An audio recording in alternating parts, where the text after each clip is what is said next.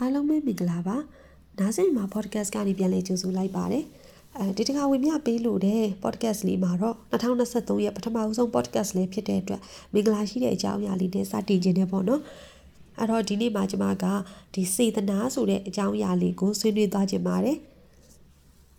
ဟိုစေတနာကိုအင်္ဂလိပ်လိုပြန်မယ်ဆိုတော့၃လေးမျိုးရှိတယ်ဒါပေမဲ့ဒီနေ့မှာတော့ကျွန်မက good intention ဆိုတဲ့အသုံးအနှုန်းလေးနဲ့ပဲအဓိကပြောသွားခြင်းနဲ့ပေါ့နော် အဲ့တော့စေတနာဆိုတာဘာလဲနာအင်္ဂလိပ်လိုပြန်မယ်ဆိုဒါ good intention ဆိုရှင်းတယ်ပေါ့နော်ကျမတို့ကရည်ရွယ်ချက်ကောင်းတစ်ခုခုစိတ်စေတနာဟိုကောင်းစေခြင်းနဲ့စိတ်ထားလေးနဲ့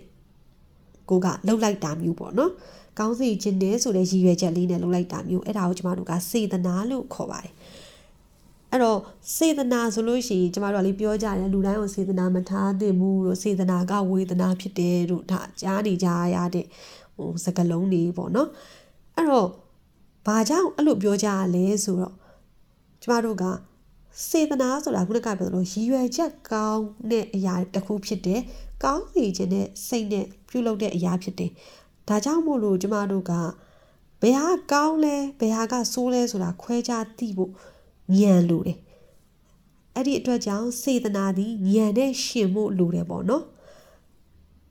တခါတည်းမှာကျမတို့က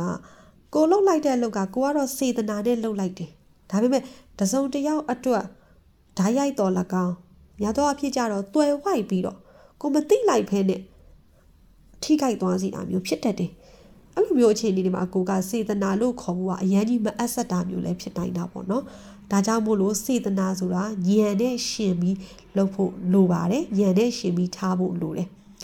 ကိုလှုပ်လိုက်တာကြောင့်တစုံတရာကိုစေတနာနဲ့လှုပ်လိုက်တယ်ဒါပေမဲ့အဲ့ဒီအရာကြောင့်တစုံတယောက်ထိခိုက်သွားတယ်ဆိုရင်ဒါစေတနာလို့ခေါ်ဖို့ခတ်တာပေါ့နော်နောက်တစ်ခုကကျတော့ကျမတို့ကမကောင်းတဲ့အလုပ်တွေမှာသွားပြီးစေတနာထားလို့မရပါဘူးစေတနာလို့လည်းပြောလို့မရဘာဖြစ်လို့လဲဆိုတော့စေတနာဆိုတဲ့အထိပ္ပယ်ကရည်ရွယ်ချက်ကောင်းဖြစ်တဲ့အတွက်ကြောင့်ကိုကမကောင်းတဲ့အလုပ်တစ်ခုခုကိုစေတနာထားလုပ်ပေးလိုက်တယ်ဆိုတာမျိုးကဘလို့မှမဖြစ်နိုင်ဘူးဘလို့မှစေတနာလို့ခေါ်လို့မရဘူးပေါ့နော် ဒါကြောင့်မို့လို့စေတနာသည်ဉာဏ်နဲ့ရှင်ဖို့လိုတယ်စပြီးလှုပ်လိုက်တဲ့စိတ်စေတနာကောင်းလေးနဲ့လှုပ်လိုက်တဲ့အရာကအဆုံးသတ်မှာဒါတစုံတယောက်အရာတစ်ခုခုကိုဒါကောင်းသွားစေဖို့ဘဒုအောင်မှလည်းမထိခိုက်ဖို့ဆိုတဲ့ဉာဏ်နဲ့ရှင်ပြီးတော့လာမှဒါစေတနာလို့ခေါ်နိုင်မယ်ပေါ့နော်ဒါကြောင့်အဲထပ်ပြီးတော့ repeat ထပ်လုပ်ရမယ်ဆိုရင်စေတနာသည်ဉာဏ်နဲ့ရှင်ဖို့လိုပါတယ်အဲ့တော့ ဒုတိယတစ်ဆင့်ကျွန်မဆက်ပြီးပြောချင်တာကစေတနာထားပြီးသွားပြီစေတနာနဲ့ကိုကဉာဏ်နဲ့ရှင်ပြီးလုပ်ပြီးသွားပြီဒါပေမဲ့ကိုကလုပ်ပေးလိုက်ပေမဲ့ကိုကိုအတိမတ်မပြူတာကိုကိုဒါလိုအပ်တဲ့ချိန်မှာပဲဖြစ်ဖြစ်ကိုကိုဒီလိုမျိုးကိုလုပ်ပေးလိုက်တဲ့အရာအတွက်တခုခု response မလာတဲ့အခါမှာတုံ့ပြန်မလာတဲ့အခါမှာပေါ့နော်လူတွေကခံစားကြရတယ်ပြီးရင်စေတနာနဲ့မတန်ဘူးဒါငါသာလုပ်ပေးခဲ့တာငါ့ကိုကြတော့ဘလို့ဆိုတာမျိုးဒါကျမတို့ လူသားတွေဖြစ်တဲ့အတွက်ဒါကတော့ခံစားကြရတာပဲဒါပေမဲ့အဲ့ဒါဒီကောင်းလားဆိုးလားဆိုတာကျမတို့ဝေဖန်ချစ်ချိန်မှုလဲလိုတယ်ပေါ့နော်ဘာဖြစ်လို့လဲဆိုတော့ကိုကအစတည်းကစိတ်စေတနာကောင်းလေးနဲ့ထားခဲ့တာလीနော်အခုကျတော့ကိုကကိုကိုပြန်လို့မပေးဘူးကိုကိုဒါအတိမမပြုတ်ဘူးဆိုတာကြောင့်ကိုကစိတ်ခုသွားပြီဆိုလို့ရှိရင်ကိုရဲ့စိတ်စေတနာအဖြူရောင်လေးကကိုဘာသာကိုအယောင်ပြန်ဆိုးသလိုဖြစ်သွားတယ်ပေါ့နော်နှမျောဖို့ခေါင်းတယ်လို့ကျွန်မမြင်တယ် ဒါကြောင့်မို့လို့စေတနာတစ်ခုထားလိုက်မယ်ဆိုလို့ရှိရင်စိတ်ကိုအပြတ်ဖြတ်ပြီးတော့လှုပ်ပေးလိုက်တာအကောင်းဆုံးလို့ကျွန်မကဟိုအကြံပြုလို့တယ်ပေါ့နော်ဒါမှသာကိုယ့်ရဲ့စိတ်စေတနာဖြူဖြူလေးကအဖြူအတိုင်းပဲကြံမှာပေါ့နော်အဲ့တော့ ဟိုဒါလေးတွေကိုပေါ့နော်ကျွန်မဥပမာလေးနဲ့လည်းနည်းနည်းပြောပြခြင်းနဲ့ကိုတွေ့ဥပမာလေးတွေပေါ့နော်ဒါဘာလို့ဆိုတော့ဒီအကြောင်းအရာတွေဒီအားလုံးနဲ့စိမ့်တဲ့အကြောင်းအရာတွေမဟုတ်ဘူး family ရဖြစ်ပြီးသားဆိုတော့ကျွန်မဥပမာလေးနဲ့ဆွေးနွေးတဲ့အခါမှာတယောက်နဲ့တယောက်ဟိုအတွေ့အကြုံလေးဝင်းပြတဲ့သဘောပေါ့နော်အဲ့တော့ကျွန်မကိုယ်တိုင်လည်းအရင်တော့ဆိုဒါဝန်ထမ်းဘဝပေါ့နော်အဲ့တော့ငယ်စဉ်ဒီဆယ်ကျော်သက်ရွယ်လောက်ကနေစပြီးတော့ဒါအသက်20ကျော်လေးမှာဆိုလို့ရှိရင်ဒါလူတွေကအကုန်လုံး energy အပြည့်နေလीနော်အလုပ်တွေကိုလုပ်ချင်တယ်အကောင်းမှုဆုံးလုပ်ပေးကြတာတွေများတယ် ဒါပေမဲ့အဲ့ဒီအချိန်မှာကိုလုပ်တဲ့အရာတွေကအတိမအပြုတ်မခင်အရာတွေလည်းအများဆုံးရှိကြလိမ့်မယ်ထင်တယ်အဲ့ဒီခါမှာအော်ငါလုပ်ပေးသလောက်ငါကမရဘူးဆိုတာမျိုးကြီးလည်းခံစားရတယ်ကျမကိုယ်တိုင်လည်းဒါဝန်ထမ်းဘဝမှာဟိုဖြတ်တန်းခဲ့ရတဲ့အခါအဲ့လိုမျိုးခဏခဏကြုံရတယ်ပေါ့နော်ကိုကစေတနာထားပြီးလုပ်ပေးလိုက်ပေမဲ့ကိုကိုအတိမတ်မပြုတ်ဘူးကိုကြောင့်ကောင်းသွားတယ်ဆိုပေမဲ့ကိုအရေးတယူ မဆက်ဆံနေဘူးကိုကိုဒါအရေးတယူဒါချီးမိုးမနေဘူးပေါ့နော်အဲ့လိုမျိုးတဲ့ခါမှာဆိုစိတ်ထဲနည်းနည်းတော့ဟိုနှမျောတာဟိုဘယ်လိုပြောမလဲဝမ်းနေတာပေါ့နော်အဲ့လိုမျိုးလေးတွေအဲဖြစ်ကြဖြစ်ခဲ့ရဘူးတဲ့ပြီးတော့တချို့ဆိုလို့ရှိရင်ဒါအဲ့လိုမျိုးအတိမမပြုတ်နေမဟုတ်ဘဲနဲ့စေတနာကိုစော်ကားတယ်ပေါ့စေတနာဝေဒနာဖြစ်တယ်ဆိုတဲ့ဖြစ်ပြတဲ့အတွေ့အကြုံတွေလည်းကျွန်မကိုယ်တိုင်ခံစားခဲ့ရဘူးတဲ့အဲ့ဒီခါမှာဟိုကိုကတော့လှုပ်ပေးလိုက်တာပဲကိုလှုပ်ပေးတာမကောင်းလို့လည်းမဟုတ်ဘူးဒါပေမဲ့တမင်တက်တက်ကိုဒါအပြစ်ရှာတဲ့ မျိုးဆိုတာမျိုးရှိကြတာပဲပေါ့နော်ဟို positive thinking လို့ပြောတိုင်းလူတိုင်းကလူကောင်းကြီးပဲလို့တော့ကျမတို့ပြောလို့မရဘူးလေနော်။ဘာဖြစ်လို့လဲဆိုတော့ဟိုလူမျိုးမျိုးစိတ်အထွေထွေကိုသူလူတိုင်းမှာကောင်းတဲ့ချက်ကိုဆိုးတဲ့ချက်ရောရှိတဲ့အတွက်ခါတလေကိုယ့်ကိုယ်မှမုန်းနေတာမျိုးလည်းဖြစ်နေနိုင်တာပဲလေနော်။ဒါသူ့စိတ်နဲ့သူ့ကိုဖြစ်တာ哦။အဲ့တော့အဲ့လိုအခြေအနေမျိုးတွေမှာလူတိုင်းကဒါကြုံတွေ့ဘူးမှာပဲ။ အဲ့လိုမျိုးဖြစ်ပြတဲ့အခါမျိုးမှာဆိုရင်ဝမ်းနေရတယ်ပေါ့အဲငါလှုပ်ပေးလိုက်တာပဲဒါပေမဲ့ငါ့ကိုပဲပြည့်ရှာနေတယ်ဆိုတဲ့စိတ်မျိုးကျမကိုယ်တိုင်လည်းဒါဖြစ်ခဲ့မှုတယ်ငယ်လဲငယ်သေးတဲ့အခါမှာပို့ခံစားရတာပေါ့နော်အတွေ့အကြုံတွေကနေတော့အာဒါမျိုးခံစားပြီးဆိုအကြီးပဲကိုယ်အတွက်ထိခိုက်ရတာပေါ့အဲ့လိုအချိန်ဒီမှာလူငယ်ဘဝလည်းဖြစ်တော့ကိုကကိုယ့်ပေါ်မကောင်းရင်ပြတ်မကောင်းလိုက်ရင်ဆိုတဲ့စိတ်မျိုးတွေမွေးခဲ့ဘူးတယ်ဟိုနည်းနည်းပေါ်လာဘူးတယ်ပေါ့နော်သူဒီလောက်ငါ့ကိုပြောနေတာပဲငါတော့ကောင်းအောင်လုပ်ပေးလဲ ကျေးဇူးမှမတင်တာပဲဖြစ်တယ်လို့လုပ်ပေးလိုက်မယ်ငါတော့တတ်တာသေးတယ်ဆိုတာမျိုးဟိုစိတ်ကပေါ်ပေါက်ဖူးတယ်ဒါပေမဲ့တကယ်တမ်းကျတော့ပြန်စဉ်းစားတဲ့အခါမှာအဲ့လိုလှုပ်လိုက်ခြင်းသည်ဟိုကိုကိုကိုမလေးစားရကြတယ်ကိုကိုကိုသစ္စာဖောက်ရကြတယ်ပေါ့နော်ကိုကိုကိုစေတနာမထားရကြတယ်လို့ကျွန်မမြင်တယ်အဓိကကိုအလုပ်ကိုကိုစေတနာမထားရကြသွားတာပေါ့နော် ကိုယ့်ရဲ့ good intention လေးကပျောက်သွားတယ်။ကောင်းစီခြင်းနဲ့ဆိုတဲ့အရာနဲ့မလာတော့ဘူး။စင်ဖြစ်တယ်လို့လုပ်ပေးလိုက်မယ်ဘလို့ပြောပြောသူကအပြစ်ရှာနေမဲ့ဟာပဲကိုဘလို့ပြောပြောအကောင်းလုပ်ပေးမှအကောင်းပြောမှမဟုတ်တာ။ပြီးတော့ကိုဘလောက်ကောင်းအောင်လုပ်လို့ကိုဟီဘာမှအကျိုးတရားမှမရှိတဲ့ဟာဖြစ်တယ်လို့ပဲလုပ်လိုက်မှာပေါ့ဆိုတဲ့စိတ်မျိုးတွေဖြစ်လာတဲ့အခါမှာကို့မှာကစေတနာဆိုတာဒီလုပ်ပေါ်စေတနာဒီလုပ်ပေါ် good intention ဆိုတာလုံးဝပျောက်သွားနိုင်တယ်။ပေါ့နော်။အဲ့လိုမျိုးပြန်စဉ်းစားတဲ့အခါမှာအဲကျွန်မဒါဟာမှန်မနေဘူးဆိုတာမျိုး ကျွန်မလက်ခံခဲ့တယ်အဲ့ဒါကြောင့်အဲ့လိုမျိုးတွေဆက်ပြီးကြုံလာမယ်ကျွန်မတတ်နိုင်တဲ့တော့အဲ့လိုဖြစ်လာတိုင်းမှာကိုယ်စိတ်ကိုယ်ကိုပြန်ထိန်းတယ်ဒါကဟိုအများကြီးခံစားနေဖို့မလိုဘူးကိုယ့်လုပ်ကိုပဲအာယုံဆိုင်သူများကောင်းတာဆိုးတာပြောတာဒီကိုယ့်ဘက်ကမားနေပြင်ဖို့လိုတယ်မဟုတ်ဘူးဆိုရင်တော့ကိုကကိုလုပ်တဲ့အလုပ်ကိုကိုလုပ်တဲ့နှုံတိုင်းကိုလုပ်တဲ့ quality တိုင်းဆက်သွားရုံပဲသူများ ချီးကျူးသည်ဖြစ်စေသူများကအတိမတ်ပြုသည်ဖြစ်စေမပြုသည်ဖြစ်စေဒါတွေကိုဟိုတွေးနေဖို့မလိုဘူးဆိုတဲ့စိတ်မျိုးတတ်နိုင်တဲ့လောက်ပေါ့နော်ဟိုကိုကိုကိုအားပေးရင်ရိုက်ထည့်ခဲ့တယ်နောက်တစ်ခါကျမတို့လေအလုပ်တွေလုပ်ရင်ဒါကိုယ့်ရဲ့ဒီ အာဘယ်လိုပြောမလဲရုံးတွင် politics တွေဒါမကဘူးပေါ့တခြားအပြင်ပပေါ့ကျမတို့ဆက်ဆံရတဲ့သူဒီအလုံးနဲ့ပတ်သက်ပြီးဆက်ဆံရတဲ့သူဥပမာ client တို့ customer တို့ရှိကြတယ်တချို့လည်းကောင်းတယ်ဆိုပေမဲ့ဦးနကပြောသလိုပဲလူအမျိုးမျိုးစိတ်တွေတွေဖြစ်တဲ့အတွက်ကြောင့်ကိုတွေ့ကြုံတဲ့လူကကောင်းတဲ့လူကြီးပဲတော့မလာနိုင်ဘူးပေါ့နော်ဟိုအဲ့လိုမျိုးနည်းနည်းကိုအတွက်အဆင်မပြေဖြစ်စေနိုင်တဲ့လူမျိုးတွေနဲ့လည်းတွေ့ရတာပဲအဲ့တော့တွေ့တဲ့အခါမှာလည်းအဲ့လိုပဲကိုဘလောက်လုပ်ပေးပေးအာ ကိုကအဆင်ပြေအောင်ပေါ့သူတို့အတွက်အဆင်ပြေမဲ့အရာလေးလုပ်ပေးတယ်ဆိုပေမဲ့လည်းသူတို့စိတ်ထဲမှာကတခါတလေကို့ပညာပြန်ပြချင်တာမျိုးတွေဒါကျမလည်းအဝင်နှမ်းဘဝမှာဖြတ်တန်းခဲ့ရတဲ့အတွက်ဒါကြီးကြုံခဲ့ရတာပဲအဲ့ဒီအခါမှာကိုကဘလို့ဖြစ်လဲဆိုတော့ငါဒီလောက်တောင်ငါ့ကိုဟိုပေါ့နော်ပြောချင်တာငါဘက်ကလည်းဒါရီသိနေတာပဲငါသူ့ကိုပညာပြန်ပြလိုက်မယ်ဆိုတဲ့စိတ်နဲ့စိတ်တွေရှိခဲ့ဘူးတယ်ပေါ့နော်နည်းနည်း ဒါပေမဲ့အဲ့ဒီခါမှာလေကိုကိုကိုပြန်ထိန်းရတာပေါ့လူဆိုတဲ့အတွက်မကောင်းတဲ့စိတ်ကတော့ဝင်လာတာပဲဒါပေမဲ့ပြန်ထိန်းတယ်ငါအဲ့လိုလုပ်လိုက်ရင်ဒါတနက်စားပဲဖြစ်မှာပေါ့နော်ပြီးတော့ဟိုသူများမကောင်းလို့ကိုကသူများကိုပြန်မကောင်းဆိုသူနဲ့ကိုက level တူသွားမယ်လीနော်ဟိုသူဒီလိုလောက်တာကိုမကြိုက်ဘူးဆိုလို့ရှိရင်ဘာဖြစ်လို့ကိုမကြိုက်တဲ့အရာကြီးကိုကိုကပြန်လုံနေမှလဲသူ့ကြောင့်မို့လို့ကိုယ့်ရဲ့ကောင်းတဲ့ဒီ good intention လေးကပြတ်သွားနိုင်မဲ့အခြေအနေမျိုးပါဘလို့ဖန်တီးမလဲပေါ့ကိုကနှစ်ခါရှုံးမယ်လीနော် သူ့ကြောင့်မို့လို့ကိုယ့်ရဲ့ကောင်းမွန်တဲ့စိတ်ကလေးပျောက်သွားမယ်ဆိုရင်ကိုကပိုရှုံးတယ်လို့ကျွန်မမြင်တယ်ဒါကြောင့်မို့လို့အဲ့လိုမျိုးကြုံရတဲ့အခါမှာအဲ့ဒီအဖြစ်ပြက်တွေကိုတက်နိုင်သလားသင်ခန်းစာယူတယ်သွေးအေးအေးနဲ့ဖြည့်ရှင်းတယ်တက်နိုင်သလားပေါ့ကိုယ့်အတွက် negative တွေများပဲဆိုလို့ရှိရင်အဲ့ဟာနဲ့နည်းနည်းရှောင်နေလိုက်တယ်ပေါ့အရှောင်လို့မရဘူးတက်တက်တိုးလာတယ်ဆိုရင်လည်းကိုယ်စိတ်ကိုယ်ကိုတက်နိုင်ဆုံးထိန်းပြီးတော့နောက်ဆုံးလူဆိုတဲ့အရာကိုကျမမကြည့်တော့ဘဲနဲ့ပေါ့နော်ကိုလှုပ်တဲ့အလုပ်ကိုပဲ focus ပို့လုပ်တယ် ဒီဟာကိုသူကြိုက်သည်ဖြစ်စေမကြိုက်သည်ဖြစ်စေသူကသူအဖြစ်ပြောသည်ဖြစ်စေချီးမွမ်းသည်ဖြစ်စေငါလုပ်တဲ့အလုပ်ကိုငါအကောင်းဆုံးလုပ်မယ်ဒါငါရဲ့ standard ပဲဒါငါရဲ့ quality ပဲဆိုတဲ့စိတ်မျိုးနဲ့အဲတက်နိုင်တဲ့လောက်ကြိုးစားခဲ့တယ်ပေါ့နော်အဲ့တော့ဟိုနားပြောသလိုသူများကတော့ဒီလူတွေကတော့ဒီလိုမျိုးကိုစိတ်ထားလိုက်လို့ပြန်ကောင်းလာမယ်လို့ကျွန်မမဆိုလို့ဘာလို့ဆိုတော့ तू ကသူ့စိတ်နဲ့သူ့ကိုလीနော်သူတို့ကောင်းတာမကောင်းတာဒီလဲကိုနဲ့မဆိုင်ဘူးကိုဒီလိုစိတ်ထားလိုက်လို့သူတို့ကလည်းကိုပေါ့အမြင်ကြည်လာမယ်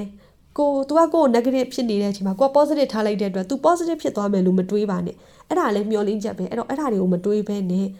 တတ်နိုင်သလားကိုအလုပ်ပေါ်ကိုပဲအာယုံစိုက်ပြီးတော့ကိုယ့်ရဲ့ good intention လေးမပြောက်အောင်ကိုယ့်ရဲ့အလုပ်အပေါ်မှာပေါ့နော်စေတနာရှိရှိဆက်လုပ်မယ်ဆိုရင်ကျမကတော့ယုံကြည်တာကအဲ့ဒီလောက်ကကိုယ့်ဘောအကျိုးပြုလာမှာပဲဘာဖြစ်လို့ဆိုတော့ကိုယ့်ရဲ့ good intention လေးကကိုယ့်ရဲ့အတွင်းစိတ်တန်တန်ကိုကောင်းစေတဲ့အတွက်ကိုယ့်အလုပ်တရားပိုကောင်းလာဖို့ပဲရှိတယ်လို့ကျမယုံကြည်တယ်ပေါ့နော် အခုဆိုရင်ကျမဘာပဲပြောကိုပိုင်လုပ်ငန်းလုပ်တဲ့အခါမှာလေဟိုတက်နိုင်သလောက်ဒီလိုမျိုးစိတ်ပဲထားတယ်ပေါ့ဘာဖြစ်လို့လဲဆိုတော့ဒီလိုဝန်ထမ်းဘဝမှာကျမဒီလို good intention လေးကိုဆွဲမြဲခဲလို့ဒါဒီစိတ်လေးထားခဲ့လို့ဒါကျမဝန်ထမ်းဘဝကနေပြီးတော့ရုံထွက်လာနိုင်ခဲ့ပြီးတော့ဒီကိုယ်ပိုင်လုပ်ငန်းလုပ်တဲ့အခါမှာလည်းအဆင်ပြေတယ်ဆိုတာဒီ good intention လေးရှိခဲ့တဲ့အတွက်ကြောင့်လို့ကျွန်မယုံကြည်တဲ့အတွက်ကြောင့်ဒီအခြေအနေလေးမပြတ်သွားအောင်တက်နိုင်သလားဟိုကိုယ့်ရဲ့ good intention လေးကို ဘယ်ယာယီနဲ့ပဲကြုံကြုံဘလို့သူမျိုးနဲ့ပဲကြုံကြုံတက်နိုင်သလားကိုယ့်အရဲ့အလုပ်အပေါ်မှာအမြဲတမ်း good intention အပြည့်နဲ့ကျွန်မလုပ်ဖြစ်အောင်ပေါ့နော်စိတ်ကိုအမြဲတမ်းတော့ကိုကိုကိုဟို ဆုံးမတယ်ပေါ့နော်ဒါကြောင့်မလို့ဒီဥပမာလေးကိုကျွန်မဝေမျှပေးတာပါဘာဖြစ်လဲဆိုတော့ဒီ podcast တွေနားထောင်နေတဲ့သူတွေမှာလည်းအားလုံးကကိုယ့်ရဲ့အလုပ်ကိုင်းနေရှိကြတာပဲလीเนาะအဲ့တော့လူမျိုးစုံနဲ့တွေ့မယ်ကိုစေတနာထားတဲ့အခါမှာဒီလိုမျိုးဟို negative တွေပြန်ကြုံရတဲ့အခါမျိုးတွေမှာဒါဘလို့ဖြတ်ကျော်ကြလဲဆိုတာကိုဒါကျွန်မကအဲဝေမျှကြည့်တဲ့သဘောပေါ့เนาะမတူညီတာရှိရင်လည်းကျွန်မတို့တွေဟို comment မှာပဲဖြစ်ဖြစ်ဆွေးနွေးပေးနိုင်ပါတယ်ပေါ့เนาะအဲ့တော့ကျွန်မတို့နည်းနည်းဆက်သွားမယ်ဆိုရင်အဲကျွန်မတို့အခုနောက်ထပ် example တစ်ခုအနေနဲ့ပေါ့နော်ကျမဒီနားဆင် podcast လေးအကြောင်းလေးပြောချင်တယ်ပေါ့အဲ့တော့ကျမတို့နားဆင် podcast ဆိုရင်အစအလုပ်တုန်းကဒါ awareness raising ပုံစံကိုကျမတို့သွားဖို့ရည်ရွယ်ခဲ့တာပြောချင်တာကတော့ဒီဟိုအမြင်ဖွင့်ပုံစံလိုမျိုးပေါ့ဒီမှာ domestic violence တို့နောက်ပြီးတခြားသောပေါ့ဒါလူသိနေတဲ့အကြောင်းအရာလေးတွေကိုဟိုဒီလို podcast လေးတွေကနေပြီးတော့မြန်မာနိုင်ငံလူငယ်တွေကြားထဲမှာနည်းနည်းပြအောင်လုပ်ကြမယ်ဆိုတဲ့ရည်ရွယ်ချက်နဲ့တော့စခဲ့ပါတယ်ဒါပေမဲ့အခြေအနေတွေအရလို့ဖြစ်သွားတဲ့အခါမှာကျမတို့ ကျမတွေးမိတာပေါ့နော်ကျမတို့တွေးမိတဲ့အားကလူတွေဒီ awareness raising ကိုအခုချိန်မှာလိုအပ်နေတာမဟုတ်ဘူးလို့ကျမမြင်တယ်။ဘာဖြစ်လို့လဲဆိုတော့ကျမတို့တွေ awareness raising တွေကရုတ်တရက်အများကြီးဖြစ်လာတယ်။ Facebook တွေမှာလည်းအများကြီးမြင်ရတယ် social media မှာအများကြီးဖြစ်လာတယ်လို့လူငယ်တွေလည်းအများကြီးဒါအမြင်တွေပွင့်သွားတာတွေအများကြီးရှိလာတယ်ပေါ့နော်။အဲ့တော့ကျမတို့တွေအဲဒီဥစ္စာကိုပဲဆက်လုပ်မယ်လားနောက်ပြီးတော့အခုချိန်ကာလမှာလူတွေကစိတ်ပိုင်းဆိုင်ရာအရာအရန်ပင်ပန်းကြတယ် ဘလောက်ပဲ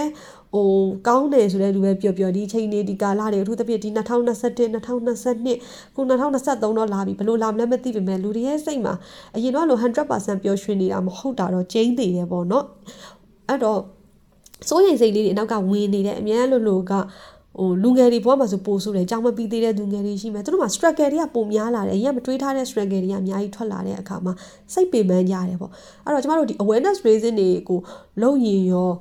တကယ်တမ်းလိုက်လို့ဖို့မလွယ်ဘူးလေနော်ဘာဖြစ်လို့ဆိုတော့ကျမတို့က awareness raising တစ်ခုလုပ်ပြီးသွားလို့ရှိရင်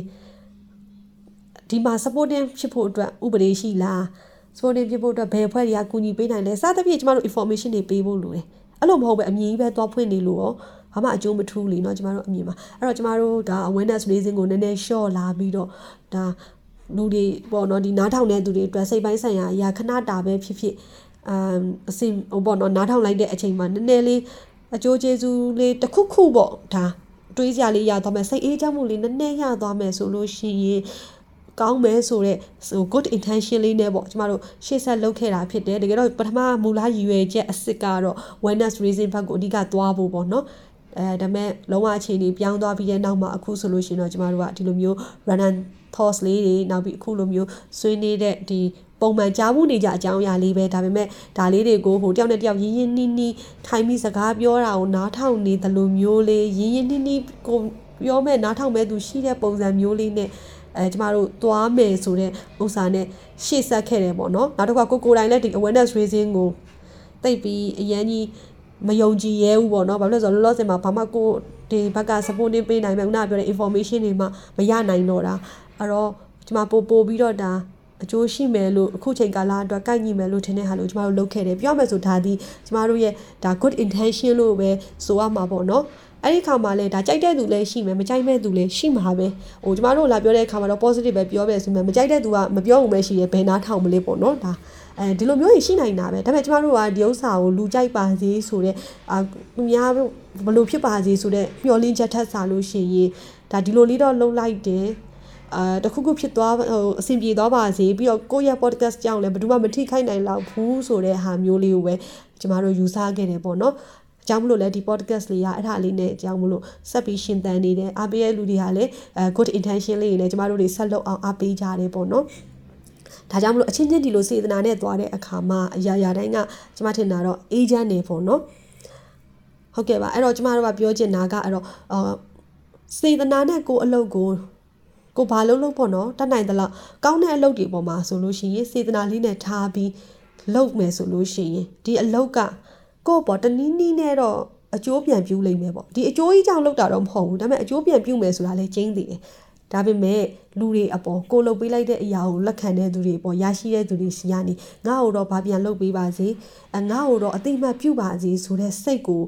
ထားပြီးလုပ်မယ်ဆိုရင်တော့ကိုယ့်ရဲ့စေတနာအဖြူရောင်လေးကအယောင်တွေစွန်းသွားစေနိုင်တာမို့လို့အဲ့ဒါလေးကိုလည်းဒီနှစ်သက်မှာပေါ့လေအဲတတိထားစင်ကျင်စေခြင်းနဲ့အဲ့တော့ဟိုစေတနာကိုညံတဲ့ရှင်ထားပြီးတော့မျောလင့်ချက်တွေကိုတတ်နိုင်သလောက်ဟိုရှော့ဖို့ပေါ့နော်ဟိုကိုလောက်တဲ့အလုပ်ပေါ်မှာမျောလင့်ချက်ရှော့ဖို့ပြောတာမဟုတ်ဘူးဒီသူများရဲ့သူများဆိုတဲ့အရာတွေသူများရဲ့အမြင်ဘယ်လိုရှိမလဲသူများဘာပြန်လုပ်ပေးမလဲဆိုတဲ့အရာတွေအပေါ်မှာ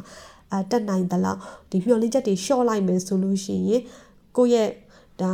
လုံနိုင်စွမ်းအားတွေရောကိုယ့်ရဲ့စိတ်စေတနာလေးတွေရောပို့ပြီး strong ဖြစ်လာမယ်လို့ကျွန်မမြင်ပါတယ်အဲ့တော့နှစ်သက်မှာလဲအားလုံးဒါကိုယ့်ရဲ့ဒီ2023မှာလဲပေါ့နော် plan တွေကိုအဲခြားကြပြီးပြီးခြားထားကြပြီးပြီးလို့လည်းထင်တယ်အဲ့ဒီ plan တွေအတိုင်းလဲဒီ January ကနေစပြီးတော့လှုပ်ဆောင်နိုင်ကြပါစေအဲတကယ်လဲအောင်ဟိုပေါ့နော်ကိုချမှတ်ထားတဲ့ရည်မှန်းချက်တွေအတိုင်းလဲအဲသွားနိုင်ကြပါစေလို့လဲအဲဒီ podcast ကနေ နှစ်သက်စုတောင်းလေးတောင်းပေးလိုက်ပါတယ်အခုလိုနားဆင်ပေးတဲ့အတွက်လည်းကျေးဇူးအများကြီးတင်ပါတယ်ရှင်